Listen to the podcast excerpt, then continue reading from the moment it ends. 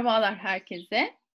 Ee, Burcu Arık ve benim Güneş Aydemir birlikte yaptığımız Alıç Ağacı'nda Çiğ Tanesi isimli podcast serimizin bu haftaki bölümüne hoş geldiniz. Bugünkü konuğumuz Gülşah Güler. Bizimle çok çok eskilere dayanan bir tarihten sohbet edecek.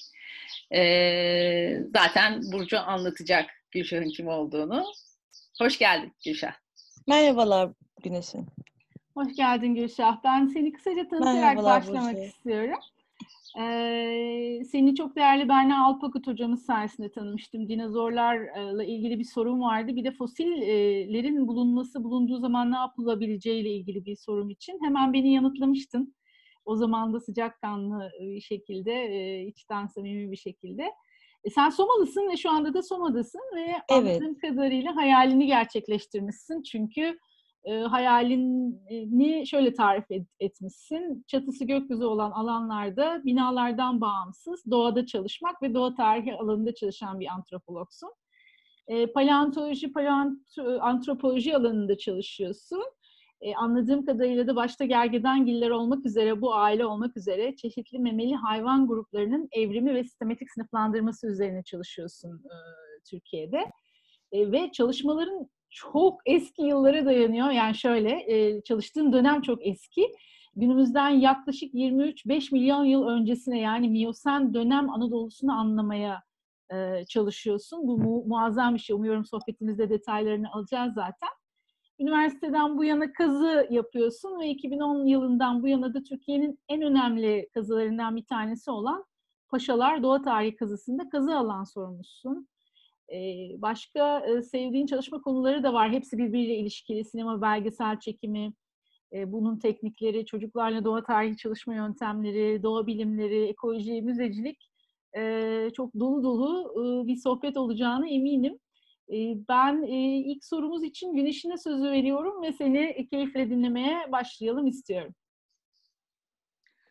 Evet Gülşah, eee paleoantropolog, paleoantropolog olma Evet. yolculuğunu bizimle paylaşır mısın? Bu enteresan alana seni eee, hangi kritik kavşaklar yönlendirdi? Bir paleoantropolog ne iş yapar?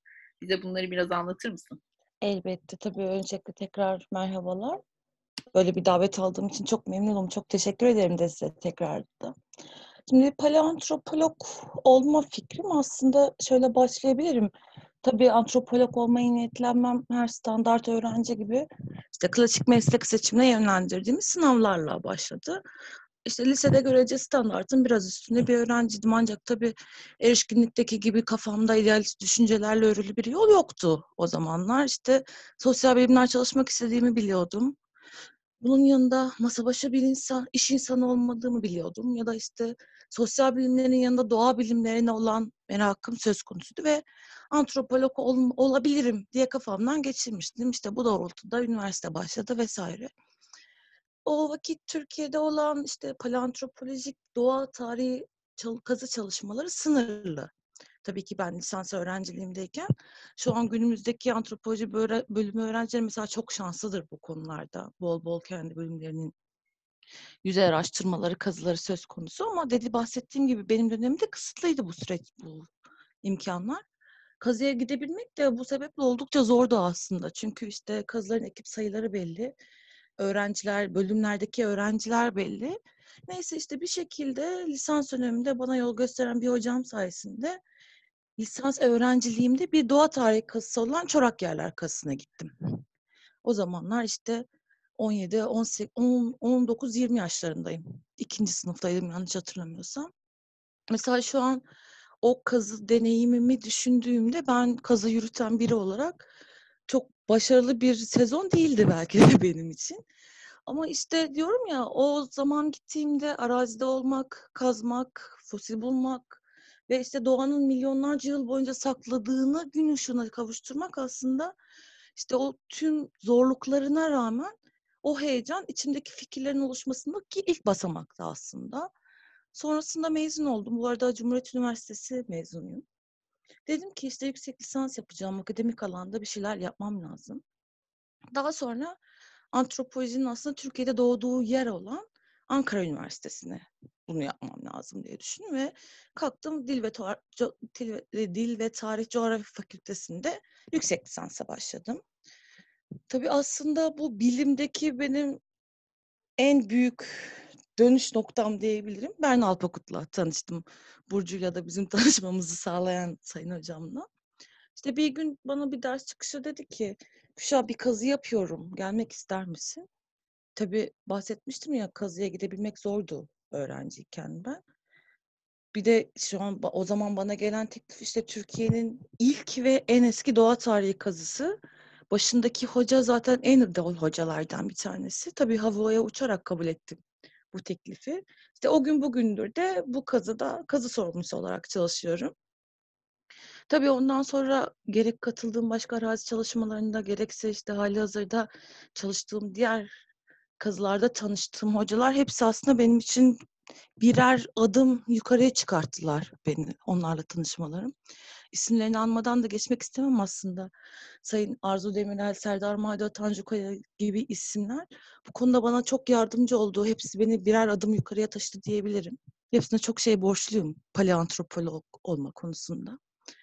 İşte tabii sonra çalıştığım bu kazılar sayesinde Anadolu'nun özellikle işte bu Miyosen dönem zengin faunalarını gördükçe yani günümüzden 23 milyon yıl öncesi ve 5 milyon yıl öncesi zaman aralığındaki o yaşamış olan faunalardaki üyelerin fosillerini gördükçe aslında başka bir alana doğru kaymak da benim için pek de mümkün değil gibi oldu. Çünkü aslında başka bir alandan kastım. Şimdi paleantropoloji alanında bir noktada aslında bu paleantropologlar ne yapar kısmına da değinecek olursak, girecek olursak işte bizler antropolog olarak mezun oluyoruz. Lisans bölümüne antropoloji olarak giriyoruz ve antropolog ünvanıyla mezun oluyoruz. Daha sonra yüksek lisansla birlikte uzmanlık alanlarımıza yöneliyoruz. Çünkü antropoloji kendi içerisinde çeşitli ana bilim dallarına ayrılıyor. İşte kültürel antropologlar, fiziki antropologlar ya da biz paleantropologlar var. Biz paleantropologları birazcık açacak olursam, işte insanın biyolojik çeşitliliğini, canlılar dünyasındaki yerini ve evrimini ya da işte antik dönemde yaşamış olan insan topluluklarının karşılaştıkları sağlık sorunlarını ve onların demografik özelliklerini inceliyor paleantropologlar. İşte bahsettiğim gibi aslında çok paleantropologların kendi içerisindeki bu bahsedeceğim kısımdan çok keskin ayrımları yoktur ama mesela biz kendi aramızda hiçbir yerde de yazmaz ve şart da değildir de ama mesela iskelet çalışanlar ve fosil çalışanlar olarak kendi içimizde böyle ayrılırız uzmanlık alanlarımıza göre. Örneğin işte antik dönem insan topluluklarının iskelet kalıntılarını inceleyen, onların yaşadığı sağlık sorunlarını, demografik özelliklerini, ölüm nedenlerini ya da yaşam koşullarını inceleyen paleantropologlar vardır. Bir kısım paleantropologlar da benim gibi doğa tarihi çalışırlar. Ve işte bu doğa tarihi çalışmaları yapan paleoantropologlar türler arasındaki ilişkiyi biyolojik, morfolojik ya da işte karşılaştırmalı anatomiye bakarak insan ve işte bu atasal bağlarının zaman içerisindeki evrimini bu fosil kanıtlara dayanarak açıklamak üzere çalışmalarını sürdürürler. Birlikte çalıştığımız bilim dalları söz konusu tabii ki. Paleontoloji, jeoloji, arkeoloji, yine biyoloji, osteoloji gibi bilim dallarından bilim insanlarıyla birlikte çalışmalarımızı yürütürüz ve işte faunal birlikteliklerle insanın ve birlikte yaşadığı diğer canlıların bu paleokolojik özelliklerini ilgili çalışmalarda birlikte değerlendiririz. Örneğin yine ben kendime dönecek olursam ben de Miyosen dönem fosil gergedanları üzerine çalışmaktayım. Uzmanlık alanım gergedangiller. Yüksek lisansımda Paşalar fosil gergedanları üzerine çalıştım ve işte buradan ki türlerden yola çıkarak bu paleokolojik çalışmalarda gergedanların yol gösterici olup olamayacağını aslında araştırdım. Şimdi doktoramda Ankara'nın doğa tarihini çalışıyorum. Bu kapsamda 9.8 milyon yıl önce işte Ankara'da yaşamış olan gergedan türlerinin sistematik taksonomi üzerine çalışmalarımı devam ettiriyorum. Zannediyorum ki paleantropologlar ne yaparı biraz olsun açıklayabilmişimdir. Nefis. E, o kadar heyecan verici ki e, çok heyecan duydum yaptığın çalışmalardan. Bunları biraz daha e, biraz daha diğer sorularımızda eğiliyor olacağız. Ben sana bana en çok sorulan soruyla başlamak isterim ya. Bunu yöneltmek isterim. E, doğa tarihinin derinliklerine girmeden önce. Anadolu'da dinozor fosili var mı? Varsa neden var, yoksa neden yok? Bunu bize özetle anlatabilir misin Gülşah? El, elbette çünkü bana da hep hep sorulan bir soru dinozorlar var mı? Çünkü işte mesela hep şey diyorum ben kazı yapıyorum diye kendimi tanıttığımda ah dinozor mu kazıyorsun diyorlar. Diyorum ki yani fosil çıkartıyorum dediğim an insanların aklına ilk gelen şey dinozor çıkartmalım. Diyorum ki yok hayır dinozor değil. Ha o zaman insan fosilinin olup olabileceğini düşünüp mesela Neandertal mi çıkartıyorsun diyorlar. Çünkü işte popülerler kendi alanlarında bu iki türler. Ama işte ne yazık ki Anadolu'da fosil bulduk dediğimizde ve bu işte fosili Anadolu'da herhangi bir lokaliten çıkarttık dediğimizde ne yazık ki o fosilin dinozor olma ihtimali yok. Üzgünüm ama işte o medyadaki gibi toprağın içinde boylu boyunca uzanan o devasa dinozorların fosilleri Anadolu'da yok çünkü. Çünkü imkanı yok. Neden? Şimdi aslında birazcık girmek istiyorum bu konuya. İşte dinozorlar ilk kez günümüzden 230 milyon yıl önce dünya üzerinde var oldular ve 65 milyon yıl önce de çok sayıda dinozorun nesli tükendi ve işte 150 milyon yıl gibi bir süreçte dünya üzerinde yaşadılar. Ve dünya üzerinde de işte bugünkü örneğin Güney Kuzey Amerika dolaylarında ya da işte Asya'nın bazı bölgelerinde özellikle Çin'den çok fazla dinozor örneği çıkartmakta. Peki bu bölgeler arasında Anadolu var mıydı? Yoktu. Çünkü işte o dönemde bahsettiğim gibi dünya üzerindeki kıtalar günümüzdeki konumunda değiller. Sürekli kıtalar hareket halinde. Tabii bu sürekli hareket halinden bahsettiğim sürekli kıtalar oradan oraya geçiyor değil. Çok uzun milyon yılları alan süreçlerden bahsediyorum. Ve Anadolu o dönemlerde hala küçük çaplı bir ada veya adacıklar zinciri halinde. Ve bir okyanusun içinde. Yani işte Anadolu'da dinozor fosili bulunmamasının tebe- sebebi de bu. Çünkü dinozorların hakim olduğu dönemde Anadolu'nun bu büyük çoğunluğu sular altında. Ve dinozorların yok olmaya başladığı dönemden sonra işte az çok karasal yapıya ulaşmaya başlıyor Anadolu dediğimiz coğrafya alan. Ama işte her ne kadar bu dinozorlar tam olarak yok olmadan karasal yapılar olmaya oluşmaya başlasa da o dönemde dinozorların beslenebileceği alanlar dar. Bahsettiğim gibi ufak adacıklar şeklinde. Ve karadan ulaşımın zor olması da işte dinozor fosili bulunma ihtimalinin azalmasına çok çok katkı sağlıyor. İşte mesela dolayısıyla Anadolu coğrafyasında dinozor fosili bulmak bugünkü bilgilerimizle mümkün değil diyebilirim. İşte bugünkü bilgilerimizle diyorum çünkü örneğin bildiğim yeni başlayan çalışmalar var bu konuda. Umarım farklı bilgiler alabiliriz. Bilim hep yenilenebilir bildiğimiz gibi. Ama mesela işte o dönemlerde yaşamış, o kendisine dinozor diyemediğimiz bir fosil örneğimiz var mesela. Kastamonu'dan bulunmuştu yanlış hatırlamıyorsam bir deniz canlısı Mosasaurus örneği var. Tam da o dönemlerde dinozorların yaşadığı dönemlerde var olan bir canlı. Ama işte bahsettiğim gibi karada değil, tam da bilgilerimiz aslında uyacak şekilde suda yaşayan bir tür.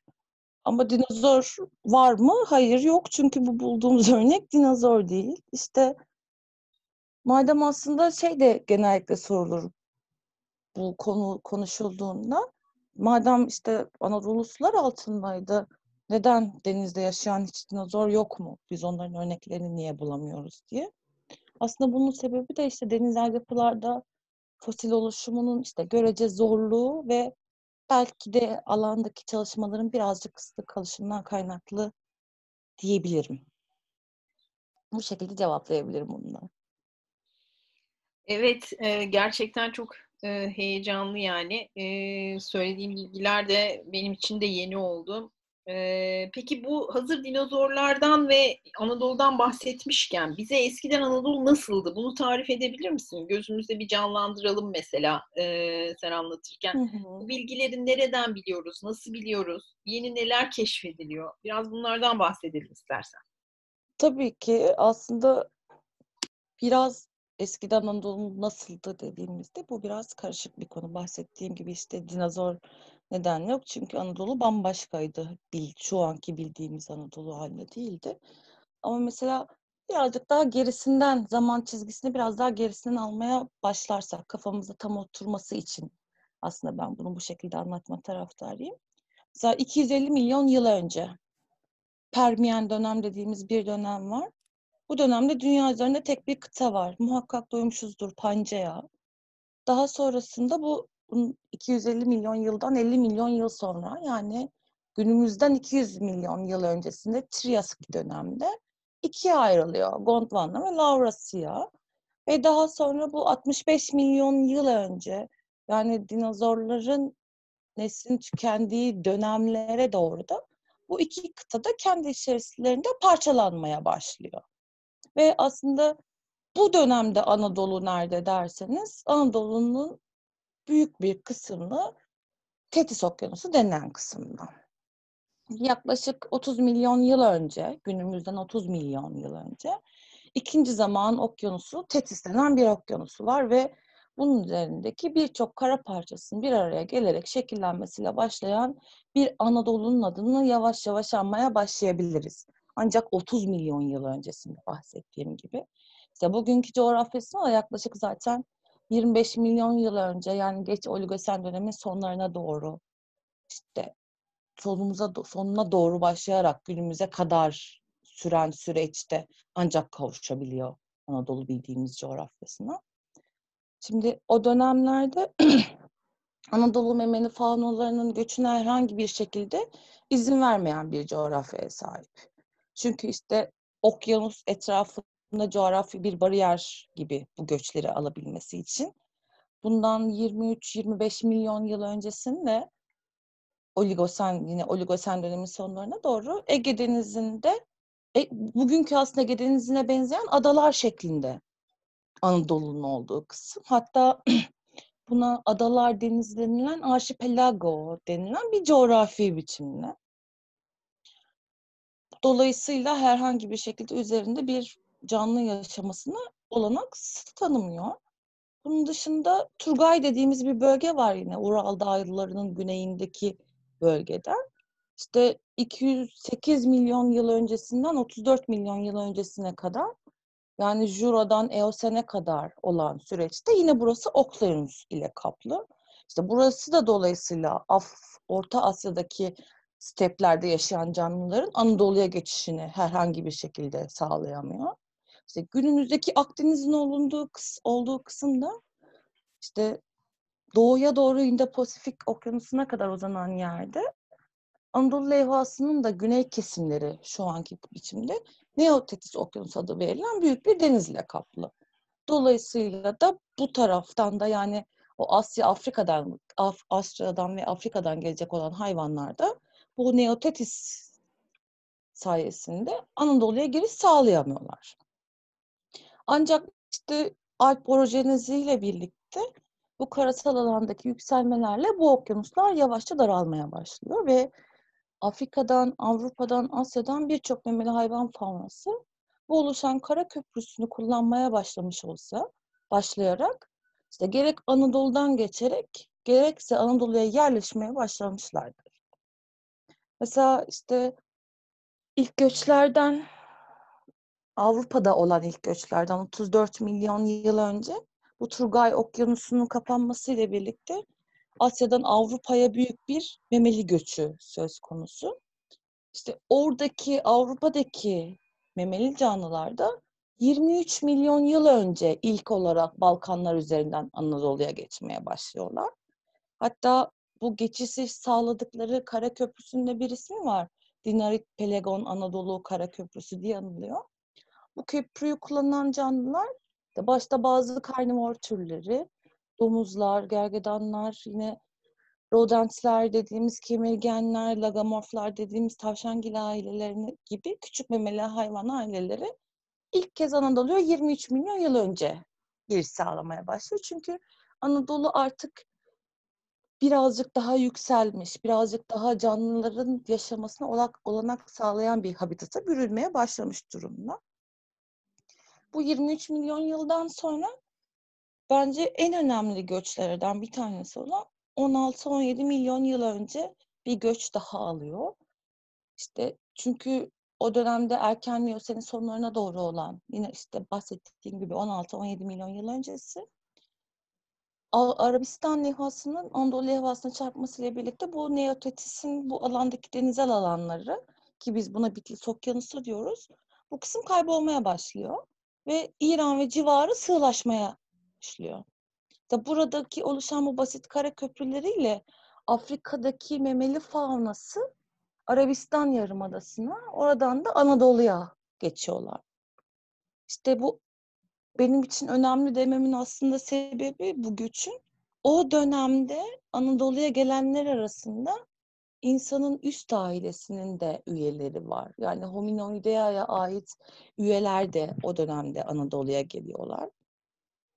Şimdi o, o bu üst ailemize dahil türler Afrika'nın doğu Doğu Afrika'nın Rift Vadisi'nden çıkıp işte Arabistan'a oradan Anadolu'ya geliyorlar. Tabii tek başına değiller. Bunların, bu hominoidlerin yanı sıra Afrika'nın çeşitli otçuları var, zürafalar var, yine Afrikalı filler var, Afrikalı gergedanlar var, atlar var Anadolu'ya göç edenler arasında.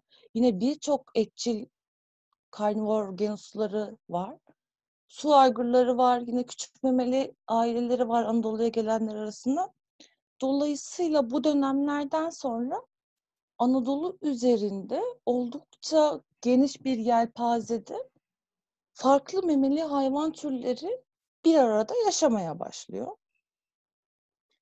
Ve bunun fosil kalıntılarına da aslında biz bol bol ulaşabiliyoruz şu anda günümüzdeki çalışmalarla. Örneğin işte dört farklı lokaliteden primat türleri, bu hominoidea dediğimiz üst aileye ait örnekler buluyoruz. Mesela bunun dışında işte Çorum'da bu ilk dönemlere ait geç oligosenin sonları zannediyorum yanlış hatırlamıyorsam. Dünyanın gelmiş geçmiş en büyük kara memelisinin fosilini buluyoruz. Paraseterium ismi ya da Indricoterium diye de bazı yerlerde alınırlar. Çorum'da bunun örneklerini buluyoruz. Ya da işte benim çalıştığım kazı olan da Paşalar'da 15 milyon yıl öncesinde bu primatların yanında etçillerden işte ayıgillere ait örnekler buluyoruz. Sansarlara ait örnekler, sırtlanlar, işte büyük kelegillere ait yine fosil örneklerle karşılaşıyoruz. Ya da bunun yanında mesela Kalikoterium denilen oldukça iri bir otçul umulat buluyoruz. Yine Miyosen dönem faunalarından birçoğunda ve paşalarda olmak üzere. Yine mesela işte gergedanlar, atlar, filler buluyoruz bunların örneklerini. Mesela Çankırı'da 7-8 milyon yıl öncesinde kılıç dişli kaplanın örneklerini, fosil örnekleriyle karşılaşabiliyoruz. Muğla'da mesela mükemmel derecede güzel korunmuş fosil gergedan türleri bulabiliyoruz. Mesela birazcık daha günümüze yaklaşırsak tabii görece yaklaşmaktan bahsediyorum. İşte Pleistosen yaşlı mamutlar buluyoruz Burdur'da. İşte bunun dışında bahsettiğim gibi Türkiye'de işte Anadolu üzerinde Isparta'da, Kırşehir'de, Nevşehir'de, Kayseri'de birçok alanda birçok fosil lokalitesiyle ve fosil memeli hayvan türüyle karşılaşabiliyoruz. Ve aslında tüm bu lokalitelerden de bulunan bu fosillerle Anadolu'da o dönemde nasılmış, kimler varmış, kimler yaşamış, bu canlılar nereden nereye göç etmiş hepsini öğrenebiliyoruz. Mesela düşünsenize benim için hep bu çok heyecanlı bir fikirdir. İşte o vakitler Anadolu üzeri tabiri caizse Afrika'nın savanaları gibi büyük memeliler bir yerde işte filler, gergedanlar vesaire. Ormanlık alanlarda primatlar yaşıyor. Ama işte sonrasında bir kriz, Messinian krizi dediğimiz Akdeniz tuzlanmasıyla birlikte tabii başka nedenler de var ama bunu ana neden olarak bahsedebiliriz. Bu canlılar yavaş yavaş yok olmaya başlıyorlar.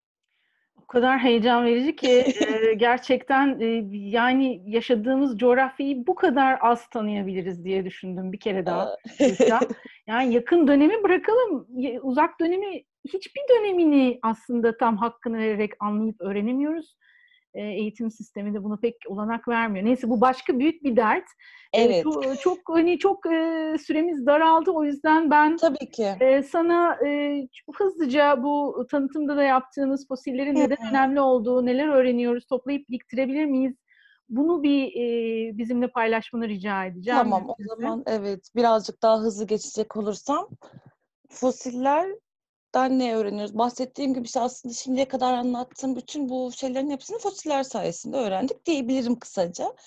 Ama mesela işte birkaç madde sayacak olursam işte canlıların oluşumundan bugüne kadar geçirmiş olduğu bütün o evrimsel süreçleri biz fosiller üzerinden saptayabiliyoruz.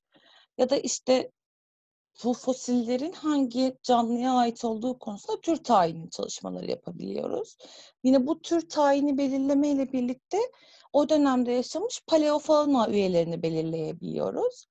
Yine işte bu üyeler belirlendikten sonra paleoekolojik ortamları canlandırabiliyoruz o dönemleri. Yine aynı şekilde fosilin bulunduğu kayacın yaşını belirleyebiliyoruz.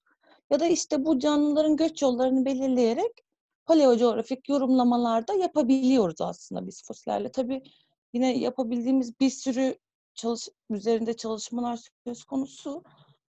Ama işte yine şöyle basitçe toparlayacak olursam tür tanımını yapabiliyoruz. E, cebimizde fosili bulduğumuzda. Bunun üzerinden bu canlının filetik ilişkilerine ulaşabiliyoruz.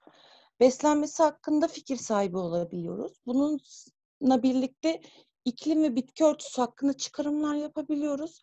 Hareket sistemlerini bulabiliyoruz. Göçlerini hesaplayabiliyoruz. Aynı zamanda da fosilin bulunduğu lokaliteden coğrafi konumla jeolojik yapısını çıkartabiliyoruz o fosil yatağının. Yine jeokronolojik olarak yaşını bulabiliyoruz. Sedimentolojik olarak yatağın yapısını bulabiliyoruz. Dolayısıyla işte doğa tarihini aslında açık bir şekilde fosiller sayesinde betimleyebiliyoruz. Şimdi o fosil toplama kısmına birazcık değinmek istiyorum. Vaktimiz az kaldı deyince böyle birazcık seriye bağladım gibi oldu. Şey, e, şöyle e, son 5 dakikamız e, bu Evet. nedenle Gülşah. Sen hani tabii ki paylaş. Biraz daha maalesef kısıtlı Tamam. olacak. Tamam. Şimdi şöyle diyelim herhangi bir fosil bulmuş olabiliriz. Evet. Böyle bir ihtimal söz konusu. Bu fosili yerden alabilir miyiz? Aldık diyelim. Kendimize saklayabilir miyiz? Çok kısa ve net bir cevabım var aslında. Hayır.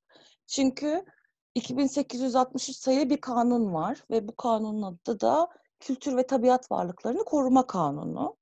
Ve fosiller de dahil olmak üzere birçok bilim dalına ait belge değeri taşıyan bu işte kültürel ve doğal öğeler kültür ve tabiat varlıkları olarak isimlendiriliyor ve devlet malı niteliğindedir aslında bu örnekler. Ancak Kültür ve Turizm Bakanlığı'nın izni dahilinde siz bunları kazılarla çıkartabilirsiniz ve bunları topraktan alabilirsiniz ve bunun sonrasında da çalışmak için yine sadece Kültür ve Turizm Bakanlığı'nın izni, iznine tabisinizdir aslında.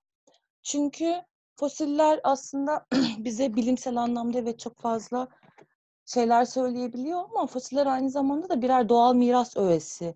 Bu kısımla aslında çok az girmek istiyorum. Çünkü bu bilimsel önemin yanında bu doğal miras olması fosillerin önemini aslında oldukça arttırıyor. Çünkü evet akademik düzeyde bize birçok bilgi verdiği için önemli. Ancak insanoğlunun ortak miras olması sebebiyle de önem arz ediyor. Çünkü işte bu ortak miras, kültürel ve doğal mirasın bir bütünü ise fosiller de bir doğal miras unsuru olarak bu ortak mirasta yer edinmekte.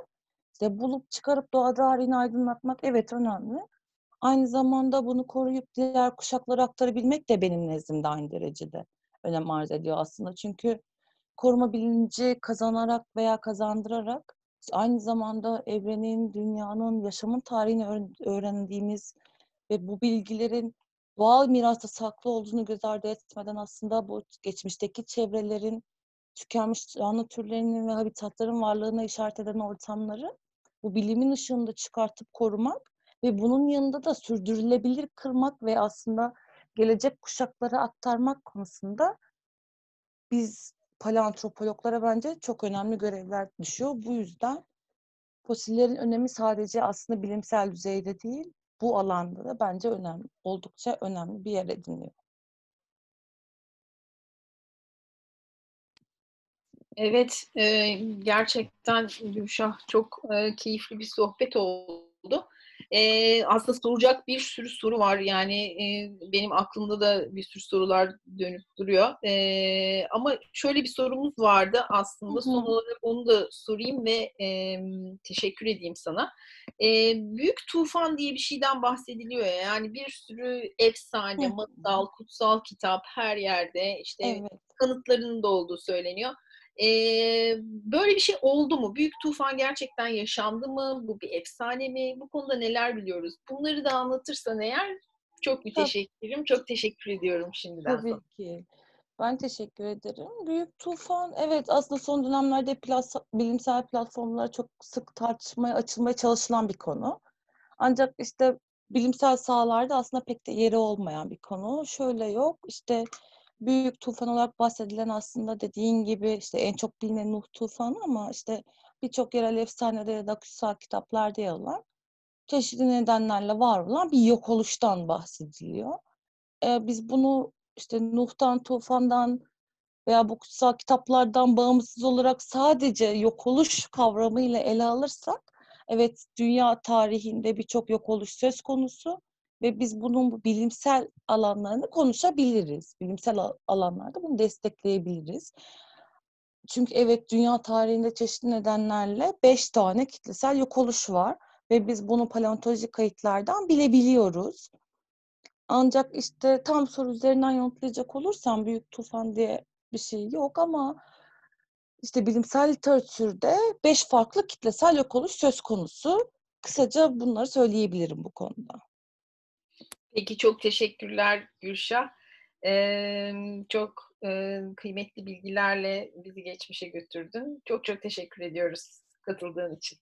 Ben teşekkür ederim davet ettiğiniz için. Gerçekten benim için çok güzel bir deneyimdi. Çok da güzeldi sizlerle konuşmak.